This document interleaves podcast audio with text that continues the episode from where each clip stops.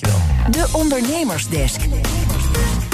En we blijven ook even praten over uh, veiligheid. Want de machinefabriek van Frank Landhuis werd gehackt. En alle bestanden kreeg hij pas terug als hij losgeld zou bepalen, betalen. Wat doe je in zo'n situatie? Redacteur Lotte Elbrink vroeg het aan hem voor de ondernemersdesk kansen en risico's. En Lotte, we hebben het over Frank, maar het is waarschijnlijk niet de enige ondernemer die ooit in zo'n situatie terecht kwam. Nee, want je kan wel zeggen dat we de afgelopen maand zijn overspoeld door berichten over cybercrime. Denk maar aan de hack bij Universiteit Maastricht of aan softwaresysteem Citrix. Dat bleek lek en hackers profiteerden daarvan. En ook geldwisselkantoor Travelex lag weken plat door gijzelsoftware. Frank Landhuis kreeg er in 2017 al mee te maken. In die tijd was hij de directeur van een machinefabriek en die werd gegijzeld door hackers. We kregen te horen uh, s ochtends een van de medewerkers, die begon al vrij vroeg om uh, uur of zes. En die wou inloggen in het systeem. En uh, bleek inderdaad ja, niks meer te kunnen. eigenlijk een, een drama, want ja, je komt achter dat het systeem niet meer toegankelijk is. Dus elk bestandje die in je, op je server staat versleuteld met uh, ransomware. Ja, tenminste 1 op de 10 ondernemers krijgt te maken met cybercrime. Dat blijkt uit cijfers van Eurostat. En dat heeft behoorlijk wat impact, niet alleen op je bedrijf, maar ook op jou als ondernemer. Als, uh, als ondernemer wil je graag het touwtje in handen hebben. En op dat moment uh, ben je geovergeleefd aan een hacker die je niet kent. Je weet totaal niet wie het is, waar die is. Uh, ja, heel veel onmacht. Je, je, kunt je, gewoon, je kunt gewoon even niet meer normaal nadenken. En dat is zo omdat ze binnen zijn gekomen. Belangrijke vraag, hoe dan? Welke ja, deurtje stond er open? Waarschijnlijk uh, is dat door een medewerker gekomen die op een verkeerde link had geklikt. Terwijl Frank net flink had geïnvesteerd in cyberveiligheid. En dacht dat hij veilig was. Maar al zijn bestanden bleken versleuteld. En zelfs de backups die hij juist voor dit soort situaties had gemaakt, waren niet meer toegankelijk. En dat had uiteraard flinke impact. Ja, je bedrijf draait op data, uh, ook in de fabriek. Uh, robotisering centrale magazijn uh, ja, wordt wel helemaal aangestuurd door uh, je ERP-systeem. Dus je, je, bent gewoon zo afhankelijk. En uh, je merkt ook meteen op het moment dat dat allemaal niet meer werkt, dat, dat gewoon een machinefabriek stilstaat. Dus toen ik door de fabriek heen liep, ja, dan zag je gewoon, ja, materiaal kon niet meer uitgegeven worden, productie kon niet meer gestart worden. Ja, je ziet gewoon mensen die kunnen gewoon op dat moment even niks doen. Alles staat stil, je weet van gekkigheid niet meer wat je moet denken, wat je moet doen. En uiteindelijk is het wel de bedoeling dat de boel weer gaat draaien. Hoe is dat gelukt? Nou ja, de hacker wilde dus dat het bedrijf losgeld zou betalen. 8600 euro in bitcoins.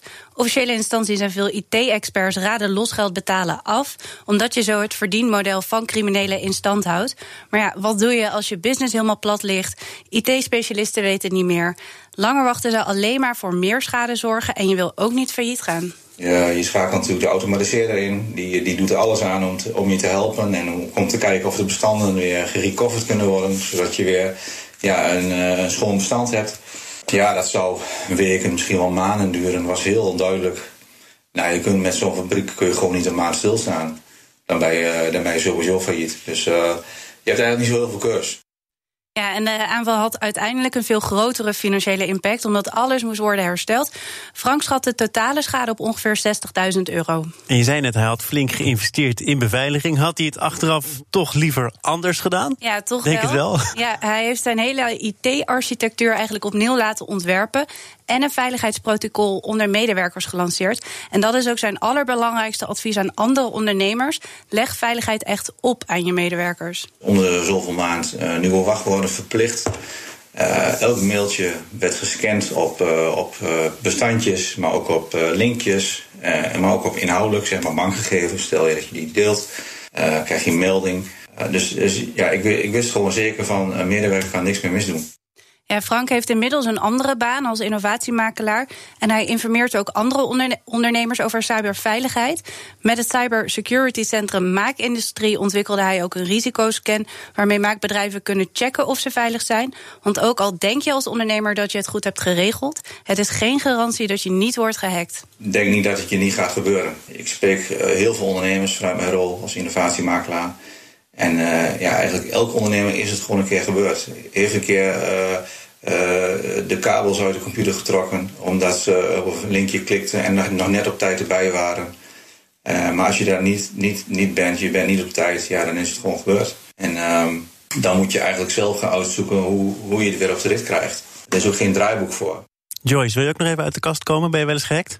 Uh, nee, maar ik ben, wij zijn wel eens uh, slachtoffer, bijna slachtoffer, want we waren op tijd van CEO-fraude. Dus bij mij inderdaad dat finance ging zeggen: hey, hoi, alsof ik aan het mailen was, wil je even geld overmaken? En we hebben gelukkig is dat niet gebeurd, omdat wij altijd twee stappen doen. Uh, dus daar hebben we afspraken over. Dus Dank voor deze ontboezeming. Ook jij, dankjewel Lotte. En uh, Frank Landhuis hoorde je ook in de bijdrage. Wil je meer horen uit de Ondernemersdesk? Dan vind je alle afleveringen terug als podcast via onze site of de BNR-app. Ondernemersdesk Kansen en Risico wordt mede mogelijk gemaakt door Atradius. Verzekerd van betaling.